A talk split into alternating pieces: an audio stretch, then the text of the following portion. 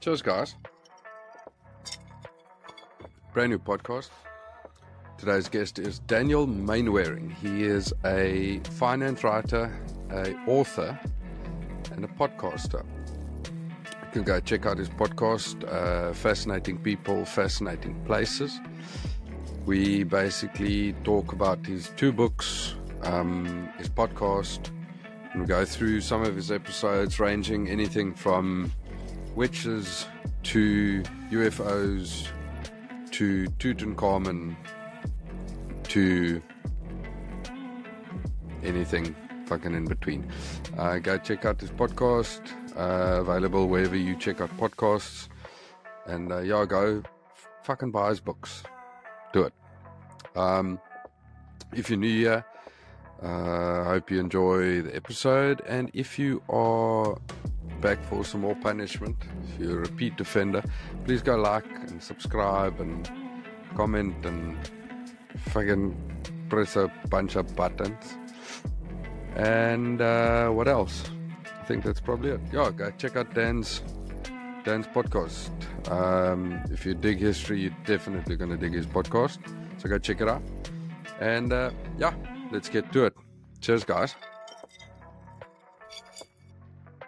Welcome to the Kackbrat Chronicles.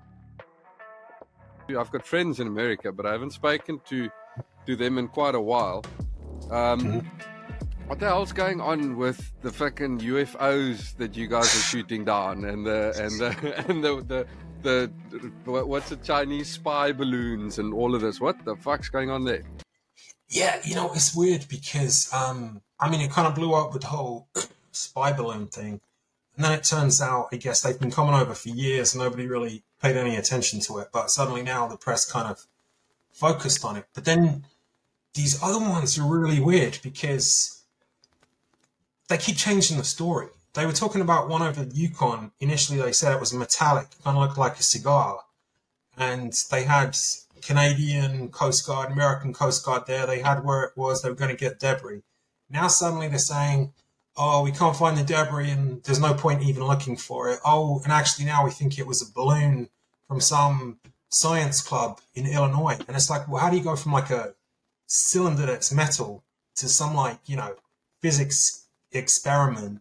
And then you couldn't find the wreckage. I mean, you, I mean, it's like a national security threat. You're shooting down this thing F-16s. And then it's like, oh, we don't, we don't know what happened to it after that.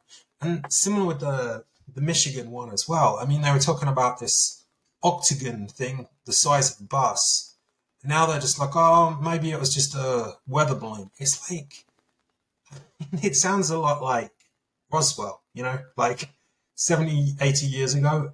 You know, it's first off, you have one thing and suddenly they just wheel out some kind of balloon and like, oh, nothing to see here.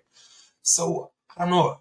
People here are skeptical. I mean, obviously, you have a lot of UFO type people, but then other people are thinking was it some kind of top top secret U.S. military thing that the regular Air Force wouldn't know about? They might have fucked up some experiment, blown up something from the U.S. government. But yeah, it's it's causing a a lot of intrigue. But I think the biggest thing now is just the fact that keep changing the story and sort of downplaying it now to oh it was benevolent. Like we don't know what it was, but it was probably commercial and benevolent. Well, I mean, surely then there would be a commercial enterprise would come forward and be like, "Hey, you blew up our project," you know. But so no, someone would yeah, claim, right? I mean, you would think, right? Even if it was just to get attention for, "Hey, I'm the guy who built the balloon that everybody thought was a UFO," you would think somebody would come out and say that. Just not just be like, "Oh, okay, well, never mind. I'll just keep quiet," and it, it just doesn't make sense. The whole thing, you know. I've I've I've heard some some chatter that uh, now obviously this is also not very conspiratorial, but I've heard some chatter that this is just sort of like an eye blind. This is to take to take everyone's um, sort of minds off the fact that they're apparently going to release some of that uh, those Epstein the Epstein logs, right. the sellers lists, and that's right. that's to, to get people's uh, sort of to draw the conversation away from that, so that everyone talks about the the, the, the UFOs and not talk about that, that stuff. With all the yeah. with all the, the, the Twitter stuff going on now, It's yeah, it's, it's interesting times, Dan. Interesting Well, times. it's also strange because over here, I don't know if it was on the news there, but there was this massive train derailment out in Ohio, and Mm. it's got like no coverage at all. And then they decided to like burn off these chemicals. They're like, oh yeah, it's perfectly safe. It creates this massive mushroom cloud over this whole town. All the fish are dying, people are sick. And they're like, no, it's fine. It's completely harmless. And there's like no news coverage at all. You see some stuff maybe on like Fox or, or Twitter or like local news, but you know, something like that, normally you would think that would be a pretty big deal, you know? But there's like nothing. We're just talking about these weather balloons and shit, you know? So it, again, yeah, that's another angle for the distraction argument, you know? Because, I mean, the locals there are saying, oh, this is like the American Chernobyl and the government are doing a cover up. yeah, I saw um, that. Yeah, you know, I'm not a scientist. I don't know how how bad the chemicals are, but just the fact there's no coverage of this, you know, I mean, it's it is peculiar. Yeah, it's it's very interesting. Um, I had a, I had a chat with a friend of mine about. Um, we we spoke about the Joe Rogan episode. Uh, I think it was probably last week somewhere. Um, that they spoke about uh, how how the FBI and all of these branches much they they're much more integrated into stuff like Facebook and Twitter and Mhm. Instagram, and they they sort of. Uh, I think they control the narrative a lot more than than than Mhm. what we that than what we really know about, and and they sort of cover up not cover up stories, but they they make sure that certain stories get the limelight and certain stories don't. And uh, at- as you said, there's no coverage about this this um, this Palestine fucking train derailment, Right. burning shit, and and yeah, you don't you don't see anything about it. The weirdest thing about that too is I don't know if you have, but um, a couple years ago they made a film about the train getting derailed with this big chemical spill, and they filmed it in that town. And they even Yeah. had like some, some of the people were extras in the movie. Now the same people are talking about the real thing. I mean, that's like pretty freaky, you know? Yeah, it's almost as if they practiced for it. Right. I mean, that would like freak me out. If anybody else wanted to come and make a movie in that town, I would be like, well, you know, what kind of movie is this? You know, like fucking alien invasion or, you know, you can't take any chances. No, it's it's yeah, it's it's crazy, and it, I almost feel like there's so there's so fucking much happening now. I mean, there's there's there's all of this bullshit happening in America. There's the the, the earthquakes happening in Turkey.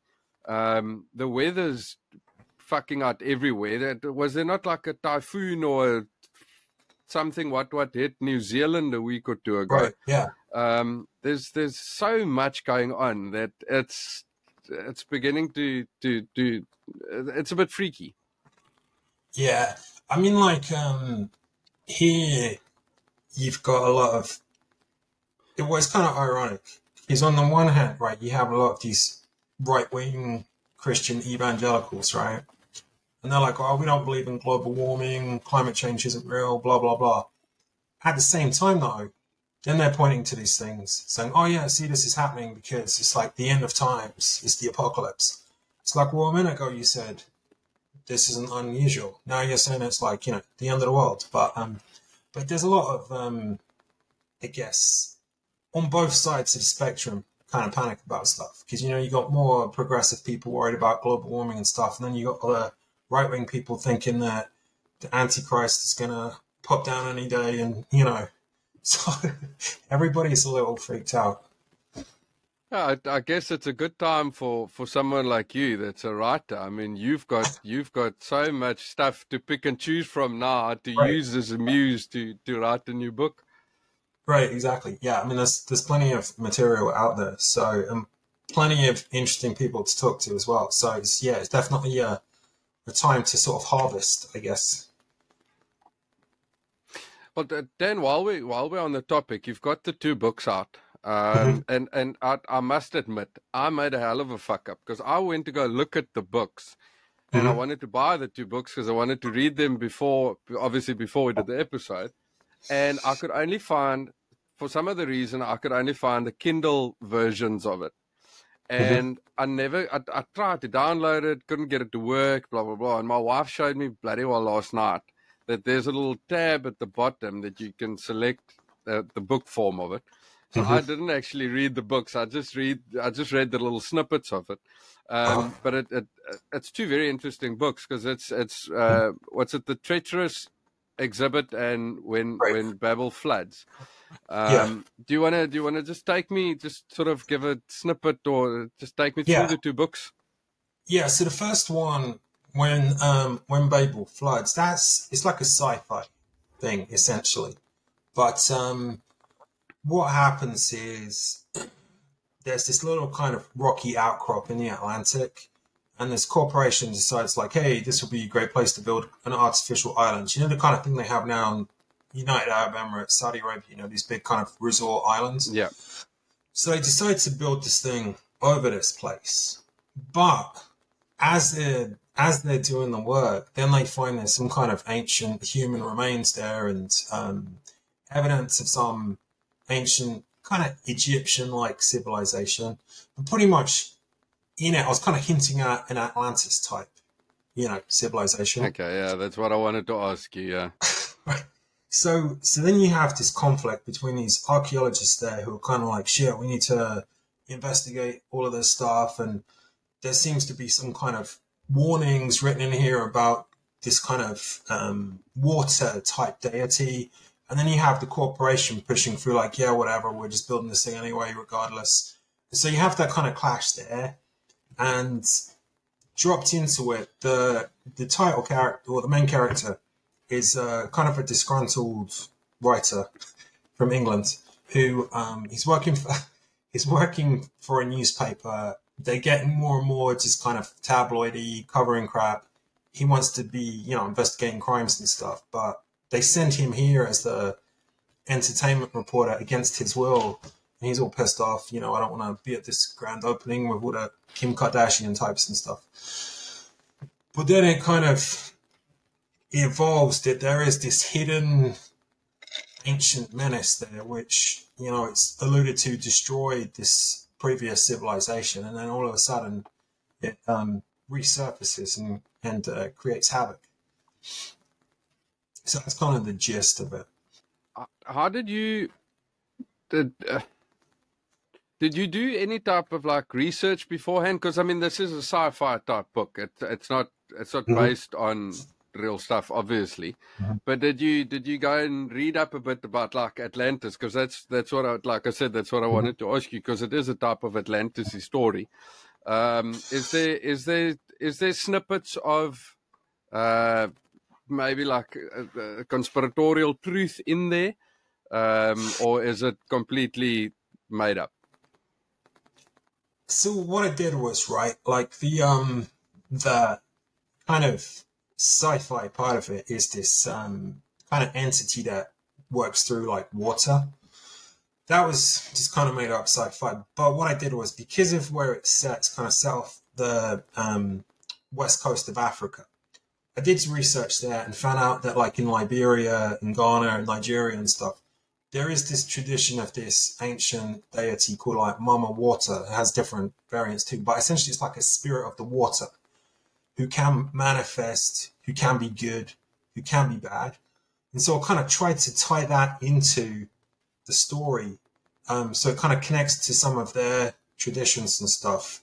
Um, and then also the commercial aspect to it, you know, I did a lot of research in that part of Africa, having problems with like, you know, water conservation, stuff like that. So then I kind of tied that in um, commercially with this corporation pretty much exploiting that area and kind of siphoning off all the water from there so they have even less. And it, it's almost kind of like a comic thing where they're trying to exploit the land and the water in the kind of East Africa, I mean, West Africa kind of region. But that kind of spirit kind of returns as if you will to to sort of defeat the evil um, capitalists. And um, so i didn't really beyond just kind of aesthetics like how they how they excavate and things like that i didn't really include information on it based to atlantis specifically but just very broadly just the idea of that's one of the locations you know some people think Atlantis, if it was real, could have been. So just kind of deliberately put it there just to sort of, you know, provoke uh, interest and then kind of took it in the direction with something more tangible, their, um, their culture and their traditions in that part of Africa off the coast. Because that is that. See, that's where the that's where the Richat structure is. Um, it, I think they call it the eye of. Is it the eye of the Sahara? Um, where where where they actually reckon it might have been where where um, Atlantis was, because there's there's there's stories of uh, like the mountain ranges to the north, and there's mountain ranges to the north, mm-hmm. and if you look at that Richat structure, that had a big port to I think the south and there is sort of in that structure there is a there is a port like figure to the south That's right. very interesting. That um, I I I, I, I kind of like the idea of of it being there, and it, it might have actually been there. Uh, that sort of all, all things point to that actually being there. It's very interesting, and it's so difficult because it is in the middle of nowhere. There's not much right. research that that's been done over there because it's difficult to get there and you right. have to take a shitload of water with you, of course, and food right. and whatnot. So yeah, it's it's it's very interesting. I'm, I'm, i did order the books last night, so I'm very in, I'm I'm, oh. I'm excited to actually to actually read them when they get you. Yeah. Um. And your your other book, uh, the treacherous exhibit. That's that's also that also plays off here in in England, right? Yeah. So that one that one's totally different. I mean, it's just it's it's like historical fiction. So what actually happened with that one was um, I kind of went down the rabbit hole. I don't know if you've ever been on ancestry.com, but um, yep. doing like genealogy research and stuff. So I went down that rabbit hole and found out a lot about um, my relatives in like the 19th century in like London simultaneous to that, just by chance, I was in like St. Louis, Missouri, here in America, and um, exploring there. One of their tourist attractions is they have kind of leftover artifacts from like uh, I think here it was like 1908. They had a the big First World Expo, right?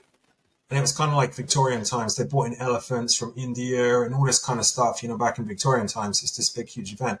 So I was like, man, that's like pretty cool. So I was reading about that, and then it got me thinking, well, I know in England they had this great exhibition about 50 years earlier. So I started reading more about that just for general interest. Well, then I found out that, like, my great great granddad was, uh, he ran a coffee shop right opposite where they had the great exhibition in 1951.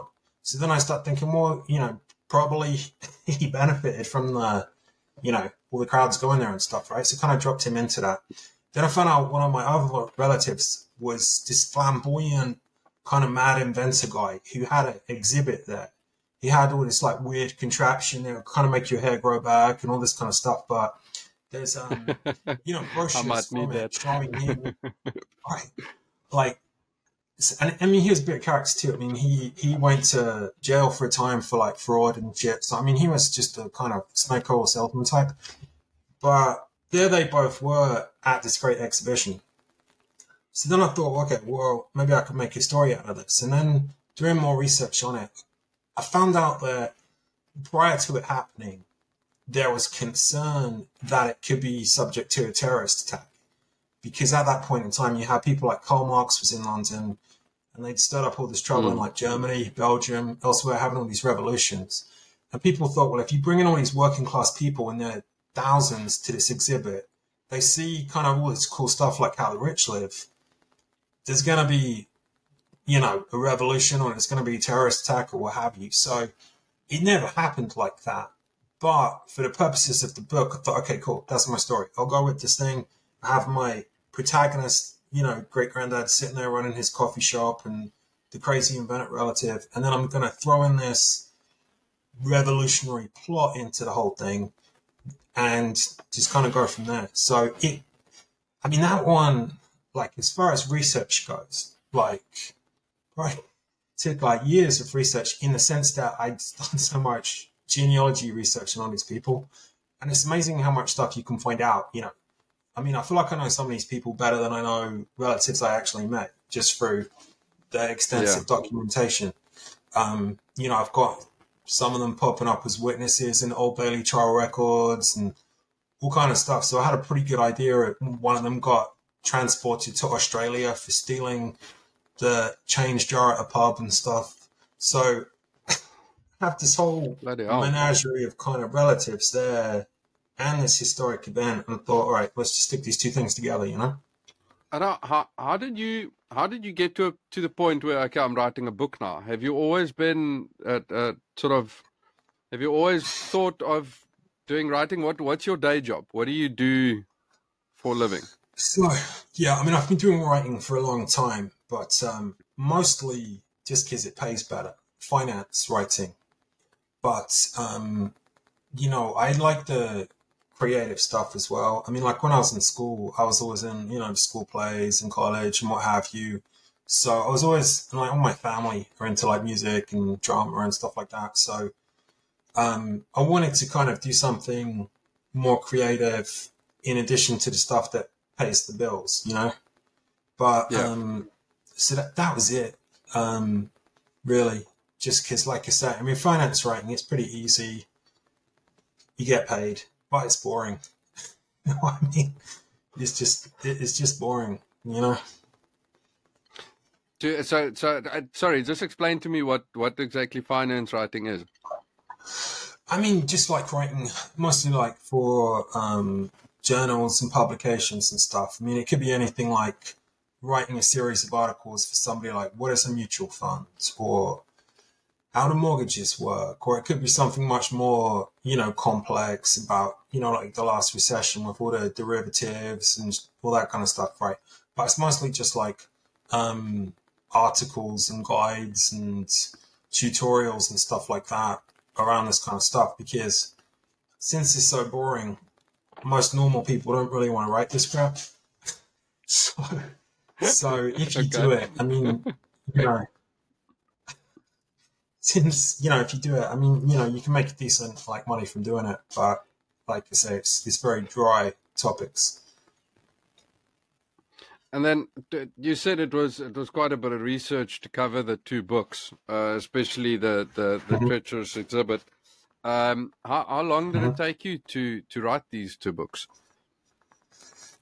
Um, I mean, like the first one, honestly, that took like years because it was one of those things I would start and then I would get caught up in other stuff. Six months later, come back, get caught up. So, and so honestly, that one probably took like probably like ten years, but not like continuously writing. Just you know, stop, start, stop, start.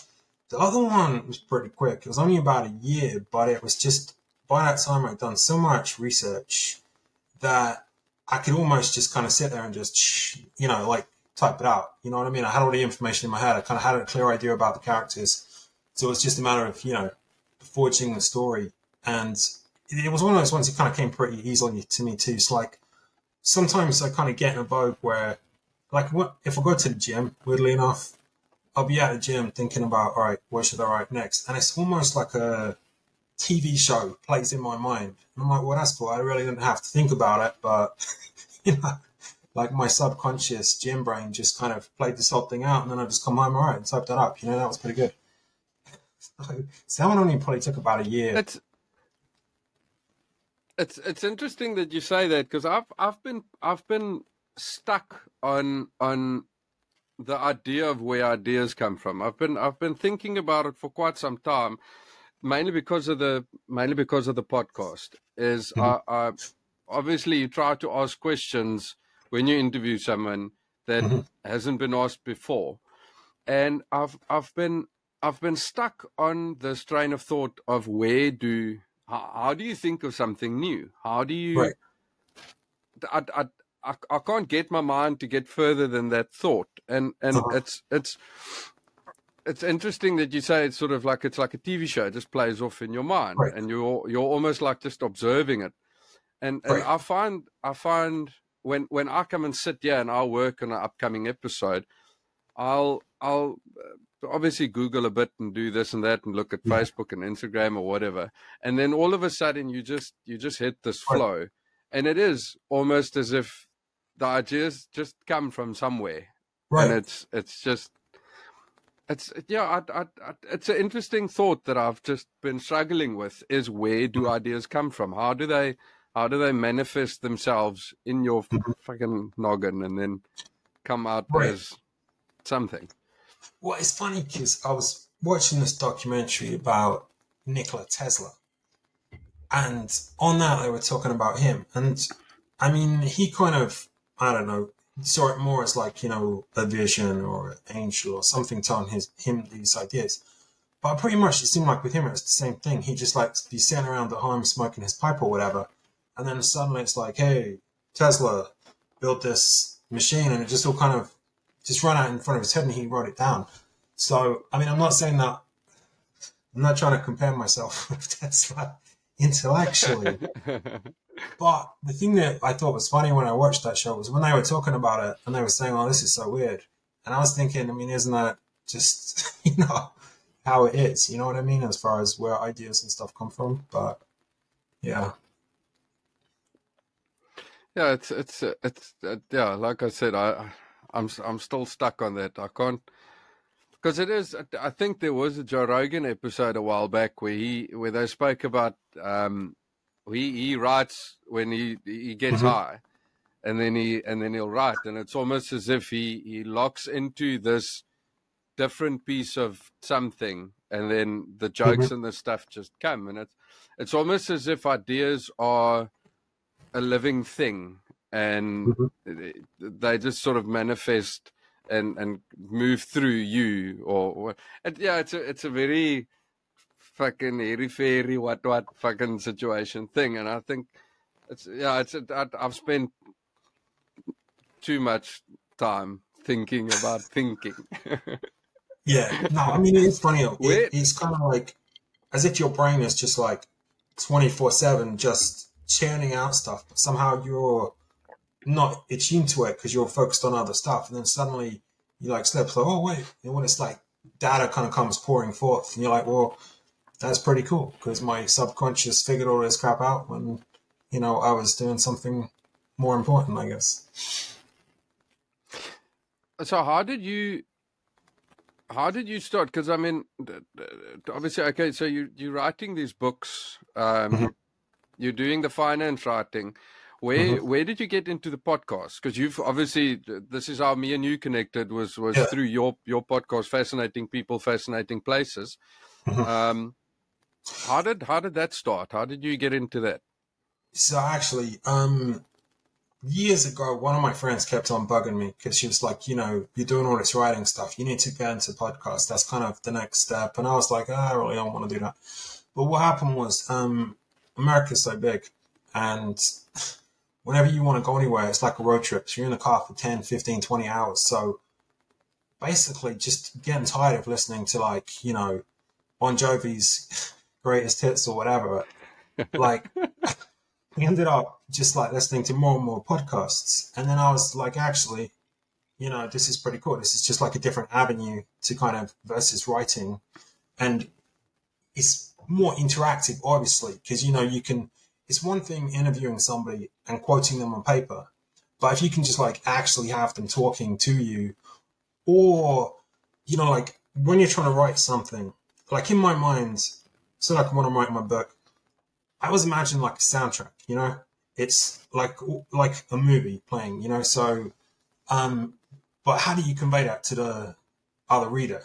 Whereas if you do a podcast, it gives you more control over the audio experience and stuff. So, pretty much just through all those long road trips, I'm like, hey, actually, this is pretty good vessel for this kind of thing. It gives me a bit more control, gives me a bit more flexibility to make sure that people actually experience what I want them to versus just like words on a page and then kind of filling in the blanks, you know? It is. It's interesting uh, because I, I, funny enough, I got into podcasts pretty much the same way as you did, where I was um, the last the last few months that we were in South Africa, I was in sales, and I was on same as you. I mean, I was on the road a lot, three four days a week, and exactly same story. You get tired of listening to the radio. You get tired of listening to the same playlist over and over. And I got into podcasts, and um, it is it is that uh, it is that thing if you almost feel part of the conversation where if if Yeah. if if you're listening to two guys talk, they're in the car, or they're in your they're in your Right. they're in your headphones or whatever, and you you if you like, I mean, I I listen to so much more podcasts than I should possibly probably listen to. But I mean, you it, it almost feels like I've got a friend here on the farm who's who's uh, equally sort of into podcasts as as what I am, and he says like sometimes he he almost feels like it's not um uh what what how can I say this like it's almost not it's not healthy because you feel like you, we listen to so much podcasts that you feel Mhm. like you know this person and at the end of the day that's the only conversation that you have is Right. in your head with the people doing the podcast Right. but I, I, I kind of enjoy that because you feel like you get to know people. I mean, I've listened now to so many of your podcasts that I've actually feel like I know you, and it's so weird meeting meeting you now Mhm. uh, for the first time, and because because also you build sort of like an idea of what someone looks like up in your in your in your head, and uh, it's so cool actually meeting you.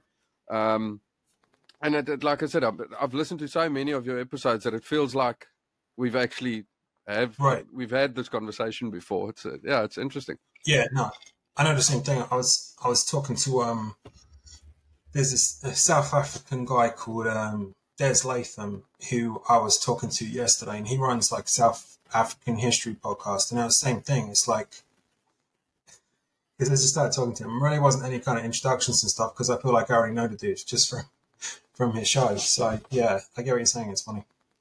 So your your your podcast, as I said, now fascinating people, fascinating places. It's a it's sort of like a historical, um, sorry, historical podcast where you you pick a specific topic and then you you obviously do your research on that and and and you go through Uh-huh. that. And it's what I like about it uh, is it's short form. It's like twenty minutes, half an hour, forty minutes, and and it's it's uh, nice sort of manageable snippets of information without it getting too long and too overdrawn Mhm. where you have to really fucking tune in to listen and, and figure out stuff it's i think you do it you do it very well how do you Thanks. how do you pick your topics is it just something that you go like ah this is interesting or or have you got sort of like a rule or system or something going Yeah, so I mean, um, certain things on it were just like topics that early on anyway, things that I already kind of knew quite a bit about, you know,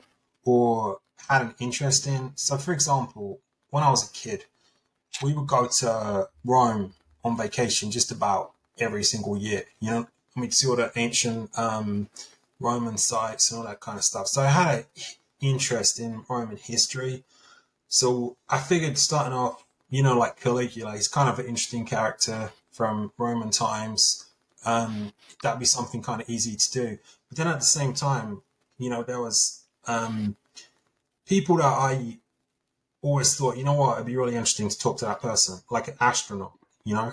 Because I'm like, when I was a kid, it was like, at that point in time in England, they had this um, kids news show called Newsround, and they used to show like every um, rocket launch and all that kind of stuff. And I remember even they were showing like the Challenger one, you know, when it exploded tragically. yeah But um, but you know, so as a kid, it's like me and most of my friends were like, yeah, we're gonna be astronauts, you know, when we grow up. And suddenly now you like all these years later, like, well, shit, we didn't do that, but it would be pretty cool to talk to him about guy was an astronaut, you know, see what see what it's really like. So there were there were some ones like that, and then that kind of led me to um, you know, follow that path. And then the other thing is, the more episodes that I do, it's like as I'm researching a particular topic, there'll be kind of like a related matter that I come across. Mm. But just in the interest of time, you're like, well, I can't really delve into that. But further down the line, it's like, okay, cool. Let's go back and explore that kind of, you know, tangent from that from that previous episode. So now it's kind of at the point that it, it sort of sprouts itself because every topic I do, there's always aspects of it I can't really delve into that are related. But then it kind of, you know, sows the seed to come back further down the line and, and explore that stuff, you know? I must say, I, I, I thoroughly enjoyed the ones that you that you spoke to the astronauts uh, with because it's it is. I think what I want to ask you first is how the hell do you do you get into contact with these guys? Uh-huh. Have- do you know someone that knows them, or do you just drop them an email, or how, No, how did that? How did you? With, obviously, without giving away your Yeah. your contacts I- or your secrets or whatnot. those two guys, no, I never, um, I had never spoken to them um, previously, so I didn't have like an in, as it were. But I just got into contact with them, kind of told them what I wanted to do. They, you know, wanted some information about the podcast, kind of check it out, see if they thought it was, you know, worthwhile or not, and um, and then they both agreed to um, to participate. I think like the one guy. Steve Hawley, he actually lives pretty near here. I mean, I've never met him in person, but um, he teaches at the University of Kansas. So I think possibly the fact that I'm in Kansas too might have to get the in. You know what I mean? Kind of local Yeah. thing. Um, whereas Jim Wetherbee, I really didn't have any ins with him, but um, you know, I just kind of he's he's quite um, methodical kind of guy. So it was kind of like, all right, this is what I want to do. This is how it's going to lay out. This is the podcast. This is what the listeners are. Kind of a proposal type thing. And, you know, he's like, okay, you know, great, this works. Um, so it, it, it just kind of depends on different people because I've had some people who obviously say, no, I don't want to participate, or they just Hmm. never respond, you know? I mean, there's a lot of people you just never ever hear back from. But um, Yeah, no, definitely. I think I don't know. To me, I think that it's easier to get people if you kind of do your homework ahead of time. So you you say like, "Hey, these are the things I want to talk about. This is why you're interesting. I know I'm familiar with your work."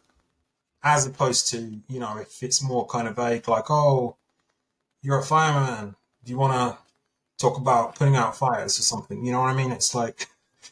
Um, Yeah, so I try to put together kind of a, a meaningful plan of what I want to talk about ahead of time. So at least it kind of shows that I understand who they are. I've done my research ahead of time and stuff, you know? what I what I was wondering now, obviously, I know that these oaks are like like you said. I mean, you grew up wanting to be an astronaut. These Mhm. oaks are obviously heroes in parentheses of yours. How the hell do you keep it so short? Because I I tend to waffle. I I Right. I've got seventy five million questions. How do you how do you keep it to half an hour? Yeah, I mean, it's like tough. And like, honestly, some of the interviews that I've done, I have a lot of outtakes just, you know, due to time. You know, maybe at some point I'll revive all that stuff and do kind of bonus episodes or something. Because usually most people, I talk to them, I don't know, for like at least an hour.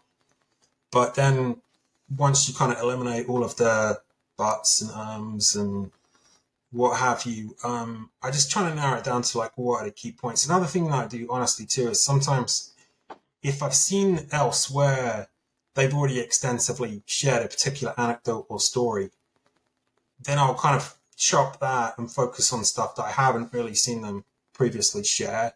Just so that that way, if there's somebody who's out there, oh yeah, I know this guy, I want to read about him. Okay, well here's some different material, not just the same five anecdotes that he's given to like you know ten other magazines or what have you.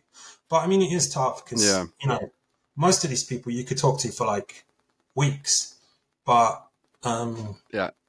You know, obviously they have things going on in their lives too. So after a while, they'll probably be like, "Look, dude, you know, enough." Yeah, it's it's um, I mean that's that's sort of like a bit of a callback to to, to what I said, where where ideas come from is you you, want to ask them stuff that they haven't been asked before, but Mhm. also the interesting stuff that they've done. Obviously, people have asked them. Mhm. Basically, being an astronaut, he has gotten every single fucking question that you can think about. Mhm. Um, but I, I must say, what I what I like about your episodes is that, especially if you watch it on on on YouTube, Mhm. the production value is quite high. That's why I struggle a bit. Is I don't I, I, I don't have all the time to do all of that editing and stuff. I just cut and paste this all together and I put it out Yeah. there and this. But I, I must say I I tend to obviously me and you don't do the same type of podcast. Right. Um, it's I- different. I- it's a, it's a bit different. Um, Mhm. But yeah, I, I, I like it because it's it's factual and it's straight to the point. And uh, Mm-hmm. yeah, I, I I I really do think you do a good you do a very good job. Um, Cheers. I want to I want to ask you a bit about especially the astronaut um, Mhm. episodes. It's let's do this. You've now spoken to you said two astronauts, right? Yeah. What do- what do you reckon of what do you what's your opinion about the Flat Earth Society? I mean, it's Because just, obviously you've spoken to guys that have been in space, so yeah, I just, it's just one of those baffling things to me that, I mean, how do we keep bringing this thing back, you know? Um, I think, I don't know, I think that maybe it's just that these days there's so much disinformation and propaganda and people are so suspicious that, you know, if you start going down the rabbit hole of not believing things, then there's like no boundaries in the end. So you start thinking that everything is fake. So as far as the Flat Earth Society goes, I mean, honestly, I thought about covering them at some point in time, but um, but I just there wasn't enough information from their side for me to even be able to pretend to take them seriously. And I didn't want to just Yeah. like bring them on, just kind of take the piss, you know what I mean? But um, there was a pretty good documentary on Netflix last year I saw, and on that, I mean, it's kind of sad because you had some people and they seemed like really earnest, you know, and they were these engineers and they'd set up this specific test to prove there's no curvature, and they were going on about this, and then they finally showed the test, and it's like, oh, seems like there is, and it was, and it was just like these guys were just like so crestfallen, and I just kind of felt bad for them because they wasted so much time and so much energy when everybody else knew that this wasn't the case, but somehow they just got it in their head and, and you know, just wouldn't let it go. You know, it was it was just kind of peculiar. it's it's interesting um for me because it is a it's i feel like it's a it's a perception thing like they i think the flat earthers just see stuff differently. And it's it's funny because if you if you talk to astronauts and i think one of the guys on on your episode actually said like the perception of of time and speed is is Mhm. differs from from where you look at it. Where if you if you're sitting in the shuttle and in a launch i mean you are moving at tremendous speeds but if you're Right. standing 10 or 15 kilometers away or however far it is it a launch actually looks very fucking slow. It looks like it's moving very slow up in there.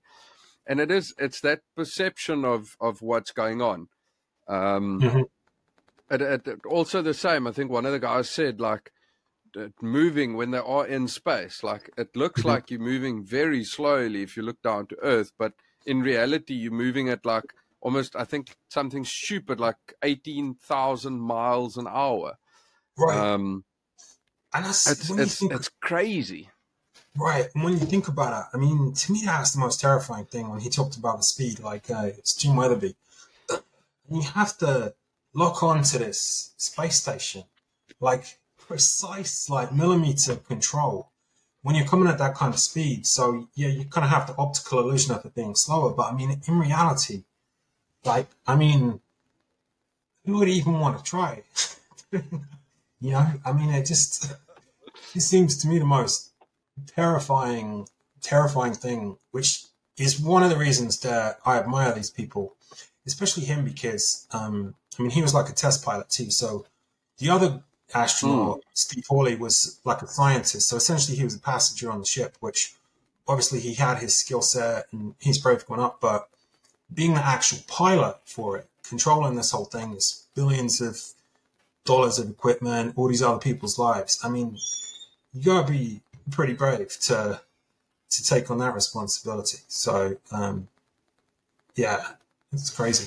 Yeah, that that was that was very interesting when you spoke to the guy that actually I think he piloted six missions if I can remember Yeah. correctly. Yeah, Um, what what was what was interesting is he spoke about the mental discipline of of all Yeah. of this. Well, th- like you said, I mean, you're moving at tremendous speeds, Mhm. and you have to dock to something else while you're Mm-hmm. moving at these tremendous speeds. But in actuality, the other object is also moving at sort of like the same speed. So Right. You're gaining and losing a tiny bit to sort of dock to this thing. So movements that you make now is only going to come through in two or three minutes, and you have to Right. sort of be, you have to have that focus and, and sort of awareness of what's going on.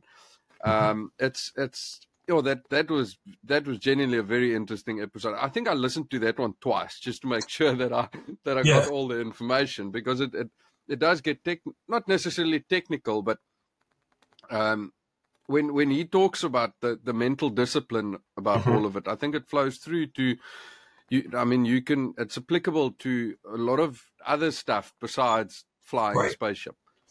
Yeah, the, the funny thing about that episode too was that um, he wrote the books. After that, he went and worked in the private sector, and he's all about kind of um, making action plans so things don't get screwed up. So you always have like backup plans. Yeah. You consider every contingency, and so we talked about that on the podcast as well. And like usually, whenever I'm recording a podcast, I record it two different ways. So that way, if anything goes wrong, you know, I've got like a backup. Well, for whatever reason, the day that I interviewed him, I was like, you know what? I've never had a problem with this. So I'm just going to do the single recording this time. Not worry about the backup. So then get off the thing with him. And my computer goes mental and crashes, deletes the whole thing. So then I had to like call him back up. I'm like, hey, uh, it's kind of awkward. See, this is what we were just talking about, but uh, can we do this whole thing again? So, I mean, luckily he was cool enough about it. You know, he did it all again, but it, it was just kind of ironic. You know what I mean? It was like a real life example of uh, Yeah. not forward planning. Yeah, that's. I think that's one thing that um, that people don't always think about if they just listen to a podcast. I mean, I've I've had similar situations where I mean, with my podcast, I do all of it over the internet. Mhm. I'm I'm in the middle of nowhere here in England, and I talk to people like you in America, or people in, in South Africa, or people in, in, in Greece. I mean, I'm reliant on the internet, and um, there's there's lots of stuff that you have to sort of make work to make an episode work. Where if you've got someone on the other end of a table, it's obviously Mhm. a lot easier. But there's also there's a there's a cadence, or a, I mean, you you do sort of have a, a way of talking Mhm. because there's just a, that tiny bit of lag that you've got over the internet where Yeah. um, it's I mean it is person to person, but it's not not really, and it is Mm. I, what I found. What I found not troubling, but it is interesting, is me and you never have eye contact. That's Mhm. something that you never really think about because if I look at you, I'm not looking at the camera. If I look at the camera, I'm not looking at you. So Right. we never have eye contact, and that's also something that I find very interesting with us. Is you've, you've you have a conversation with someone for an hour or two hours or three hours without ever having eye contact. That's yeah. It's funny you mention that. Actually, yeah. I mean, it's kind of weird too because when you see yourself on the screen, I feel like everything is kind of backwards as far as left versus right and what have you as well. So it's kind of disconcerting. Are you still there? Sorry, Dan, I lost you there. I love how just as we're talking about Right. Having, having computer problems, we've got computer problems, internet problems. Yeah, that's. Yeah, it's bound to happen. Sorry, right? yeah, we were, t- we were talking about talking about eye contact. Yeah.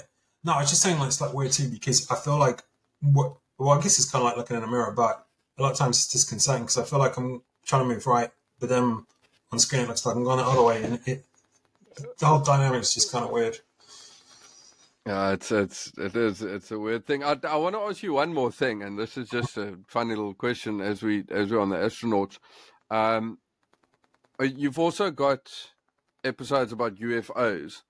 Yeah. Um, and and and what's what's flippant kiff about that whole thing is that you've actually spoken to people that have said that they've seen these Mhm. things and they've they've Mhm. been uh, what do they call it the um Experiences. yeah, the the what because there's there's what there's first kind and second kind and the, the Yeah. fourth kind and what all of that. Um, uh, where did you find these people? So, um, well, that guy, like in America, there's this organization called uh, MUFON, which is like the Mutual UFO Network. So it's kind of like pretty large um, enterprise. And basically, I just got in touch with them and said, "Hey, I'm doing a episode on this," and then they kind of directed me to um, Bill Konkolesky. He's one of the, you know, sort of key people, but he's also written books on the subject, and you know, he claims to be a alien abductee.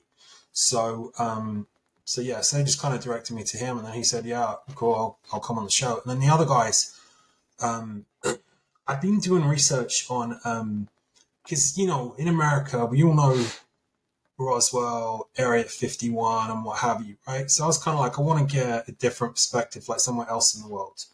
And so I found that in Sweden, of all places, they have a pretty big kind of UFO investigative thing, similarly to MUFON. And so I reached out to them, and that guy, uh, Clas Svahn, he hasn't seen anything himself per se, like, or at least nothing, you know, ET coming to his house, but you know, maybe objects, stuff like that. But um, he's like a investigative journalist, so he's extensively researched stuff, and he was an interesting one too because he had a lot of insight into really weird stuff that doesn't really get the coverage here because we, you know, have our own UFOs, you know. But um, and then beyond that, um, I came across a guy like university professor um, called Greg Eghigian, and at the time I was doing the podcast, he had a show here in the United States about UFOs, and he's kind of unusual because he's a university professor who's teaching a class, kind of saying, you know, I think this could be real. And so I contacted him, and then just to balance it, um, there's a guy that I kept coming across on UFO stuff. Whenever there was a UFO reported thing, there was this guy called Robert Sheaffer who always seemed to pop up as the quote of the skeptic saying this is bullshit, and he always had some explanation. So just to kind Mm. of get both sides, I emailed him, and he's like, "Yeah, great. Any chance to sort of say that UFOs are fake?" You know? So so yeah, it, it was it, it was kind of, it was an interesting um it was interesting because the guy Konkolesky, the guy who says he I mean he had extensive contact he claims with UFOs and it was really weird talking to him because I had the sense that he was being completely honest and straightforward and kind of in a way vulnerable sharing his stuff. But at the same point, somehow in my mind, I don't know why, but I kind of have these artificial barriers where I can believe, like, okay, I can believe that maybe you saw a flying saucer, but somehow taking it the next step and the creatures come out of it, come in your house, somehow to me that just seems like too ridiculous. And it doesn't make sense because obviously, if there was flying saucers, somebody's got to be in it, so why wouldn't they be real?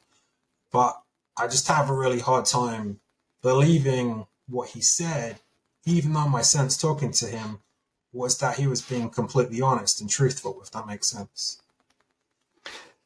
I I always wonder with with these type of things. Um,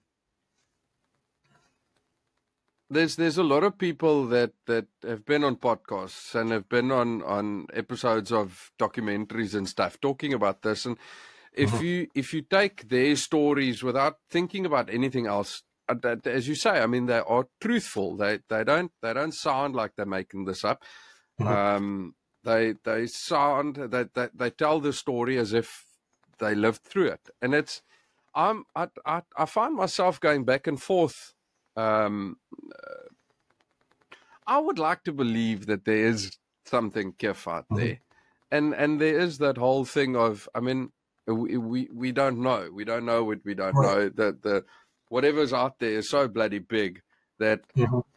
th- there must be something Mhm. and um, it's a it's an interesting conversation to have about whatever paradoxical system you believe in, and and uh, if you think we are, what did Elon Musk say that we might be in a um, in a simulation, and Yeah. it's it's it's very interesting. But then you you get the other side of things of where uh, if there is something, why why why haven't they come forth? Why Mhm. why why do they select certain type of people? And it's just that- it's interesting to me because the the the people that have made contact with whatever is out there Mhm. always seems to be a bit crazy.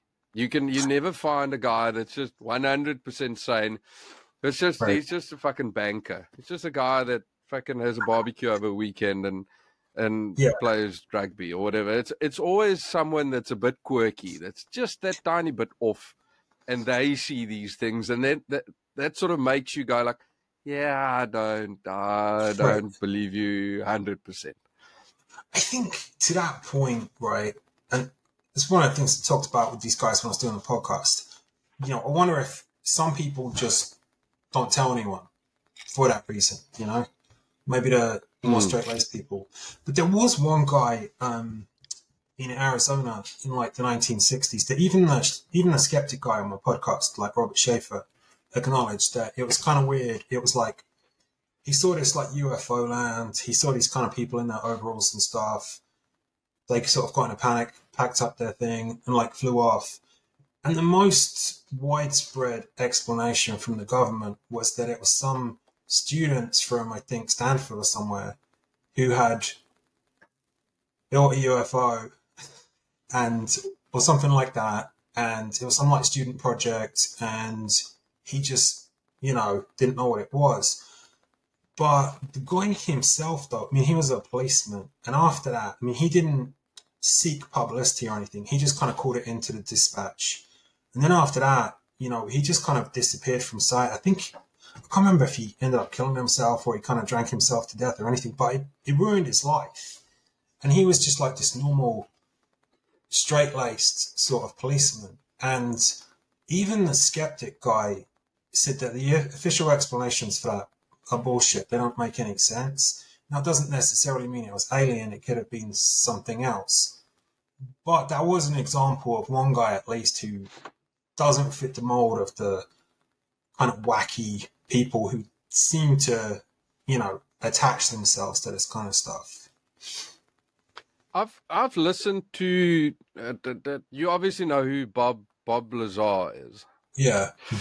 I've I've I've watched all of his programs and I've I've listened to a shitload of his interviews and and he is a very interesting guy um, in terms of all of this because he, he he used to work for the people at what's it Area Mhm. S four and and Area fifty one or whatever you want to call it over there in in uh, America and um, Right.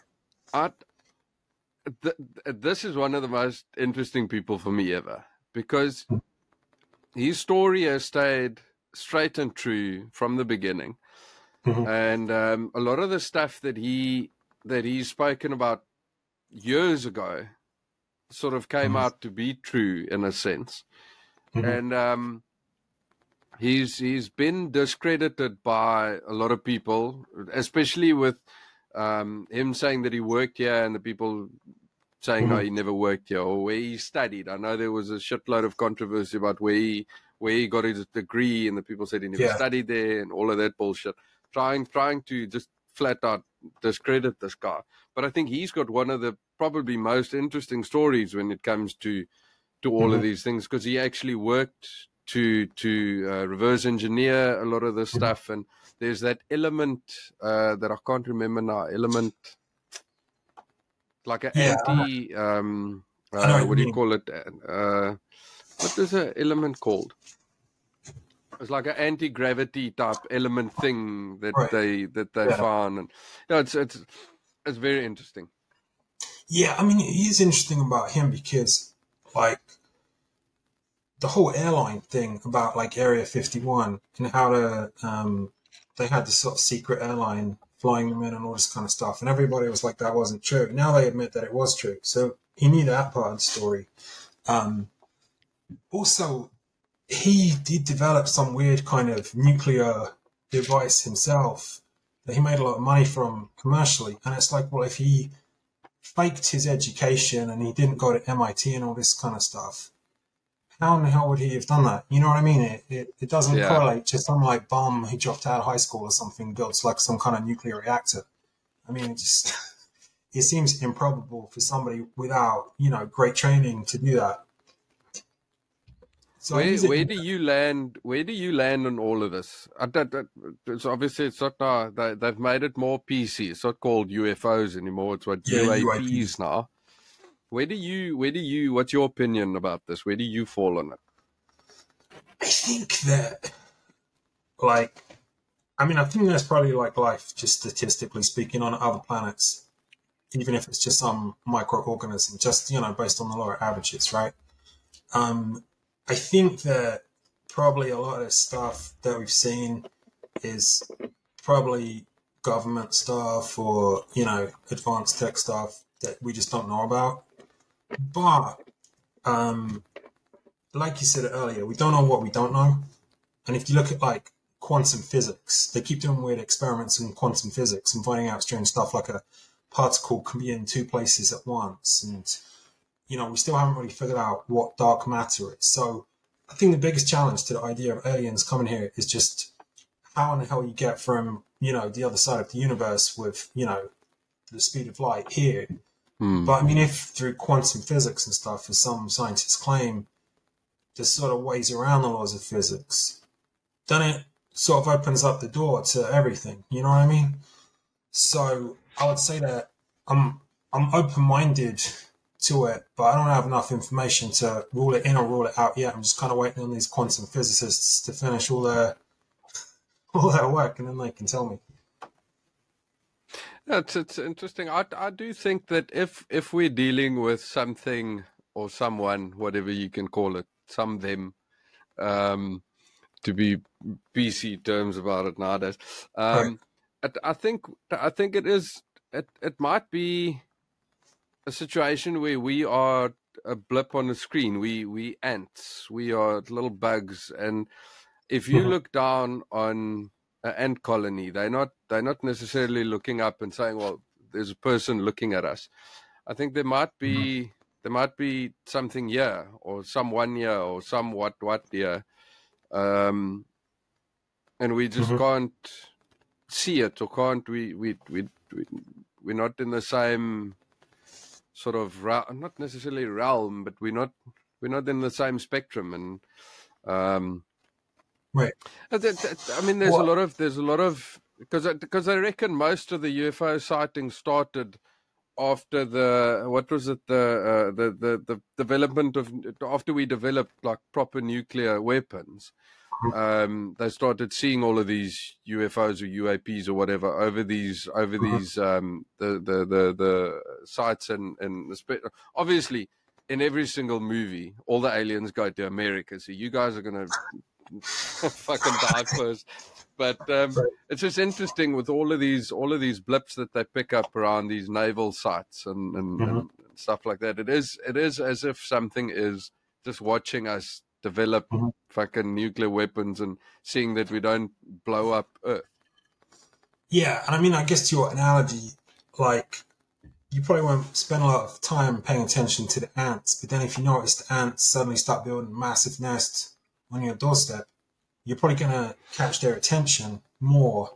Um, but another thing I think is kind of interesting too, though, is that like if you think about religion, a lot of these you know, Christians, Hindus, what have you. There are a lot of elements in that that, I mean, you could look at it just being semantics. If you're calling something otherworldly, be it an angel or a demon or a Martian, either which way, it's something that's smarter than you and doesn't come from Earth, right? So it's like, I mean, is this, I mean, are they one and the same? Or is it just all like we have a tendency to imagine the same kind of things, and just over time we use different terminology to describe either what we imagine or what could be real. But I don't know. It's just one. I was watching the show the other day, and they were talking about Genesis, and it's like in that. I mean, like Eve essentially was like cloned from Adam. I mean, it says like he took out Adam's rib, and then from the rib made this woman. Well, I was watching this documentary and they're saying that on that some of the experiments they've done with sheep, when they try to like clone Dolly the sheep and stuff like that, they tend to use the rib bone because it's one bone you can kind of take out without causing too much problem. So if you were to try and clone a human, the rib would probably be the bone of choice if you took it to your lab. And Yeah. so, well, I mean, it's pretty random for these ancient Israelites just to guess. you know what I mean? Now, I mean, yeah, maybe they did, and it just has some kind of symbolic meaning, but it's interesting, at least I would say. You know what I mean? D- no sure, definitely. That's. I think this is a this is a tangent that I want to go down on. I just really need to pee quickly. If we can just break for like two minutes. Yeah. Uh-huh. Okay, so we are we are back. Um, it's it's interesting when you when you bring in religion to any of the things that we've spoken about tonight. Um, it it it's sort of an interesting aspect of it because, I mean, in in any shape or form, religion is a it's a man-made scaffolding system to make sense of things that we can't understand. Um, it doesn't matter which form of religion you take. It is it is at the start of it. It is man-made. It's Mhm. um, you you take stuff that doesn't make sense and you you you give it positive or negative attributes and you and you take that to to whichever religion or whichever deity you you believe in and um then it becomes very interesting because you can you can you can put it in terms of the UFOs you can go well no but it's not UFOs it's it's fucking angels that Mhm. came to fetch me or whatever. And and I think when you when you go into um into the, sort of like the history of anything you'll find religion embedded in there somewhere.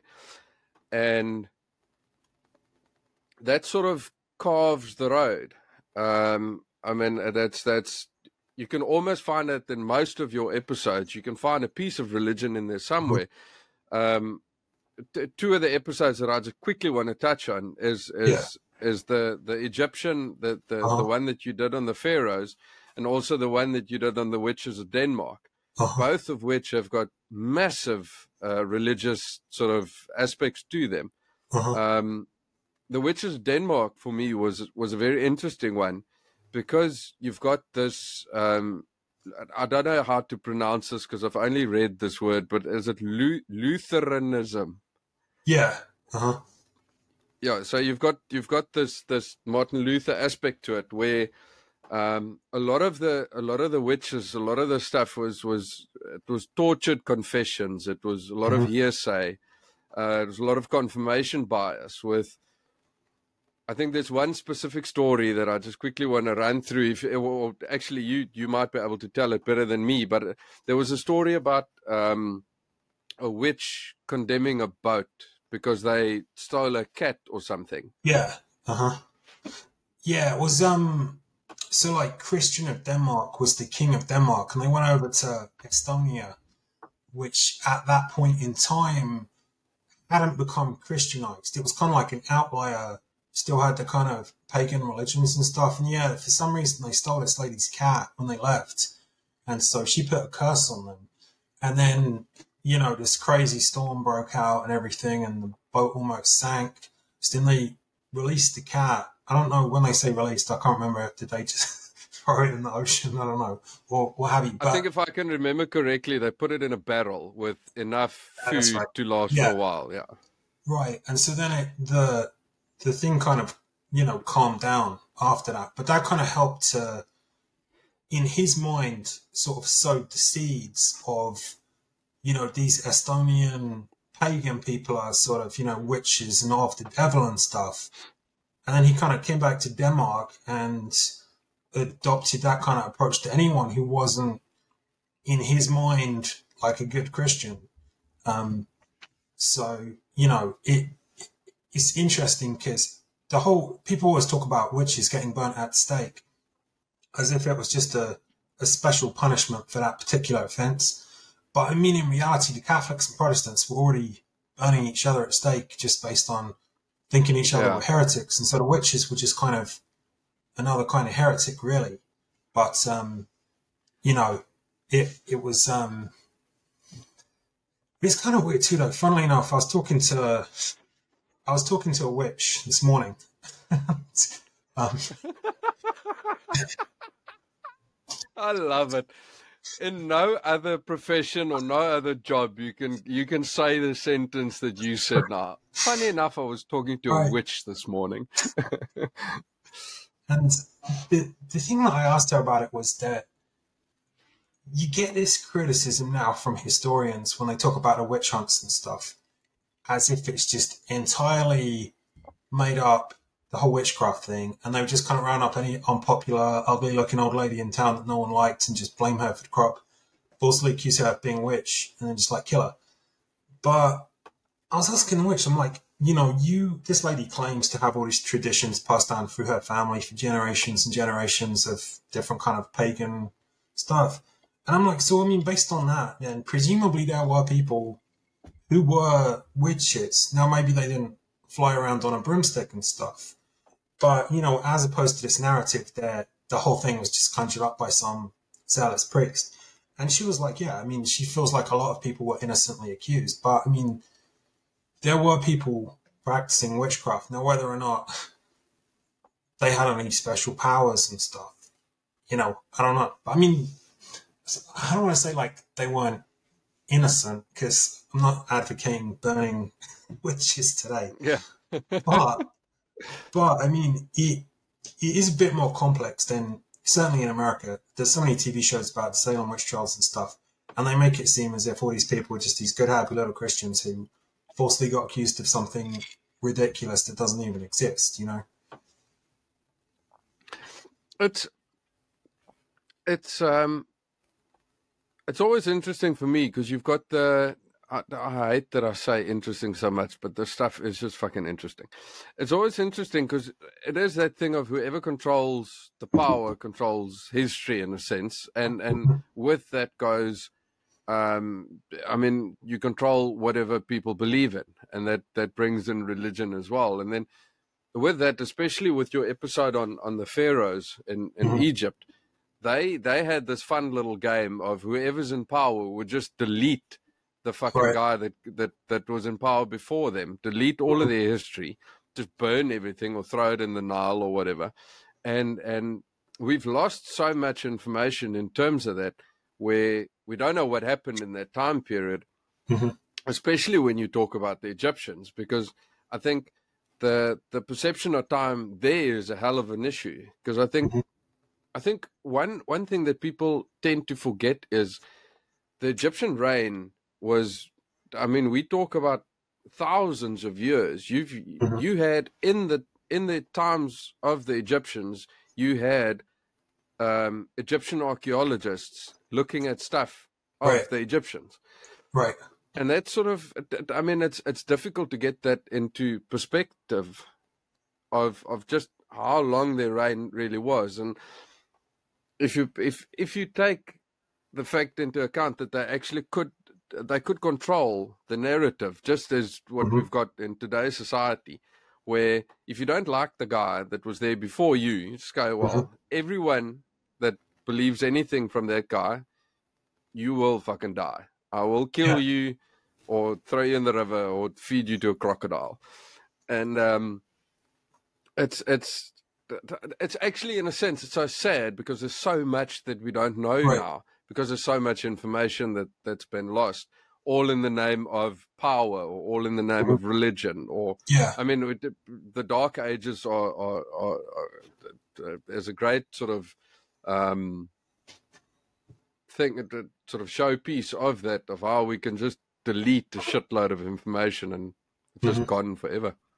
I think it's interesting too because with um Tutankhamun, like I mean, he was kind of like an old school Egyptian where they had this multitude of gods, whereas Akhenaten before him, as far as we know, because like you said, they pretty much tried to erase him from history, but he had, as far as we know, kind of a monotheistic religion with just like you Mm. know one god.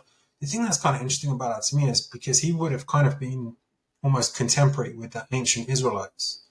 Now, you know, I don't know if there was any kind of connection with them or whatsoever, but similar kind of part of the world. But it's just kind of interesting to me how that idea popped up with him, and then they completely erase it from Egyptian history.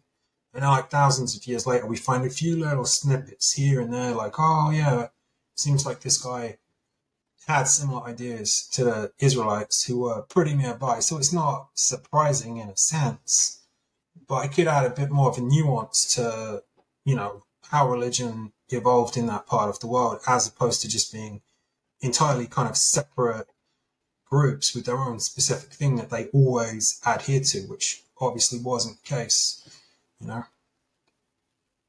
It is. It, it, it's definitely a. Um, I want to say interesting again, but it is inter- It is definitely interesting how they how they tend to go. They they tend to go narrow and then they go broad and then they go narrow and then they go broad and it's all dependent just on who's in power where they go. As you said, like listen here, all of this is basically the same thing.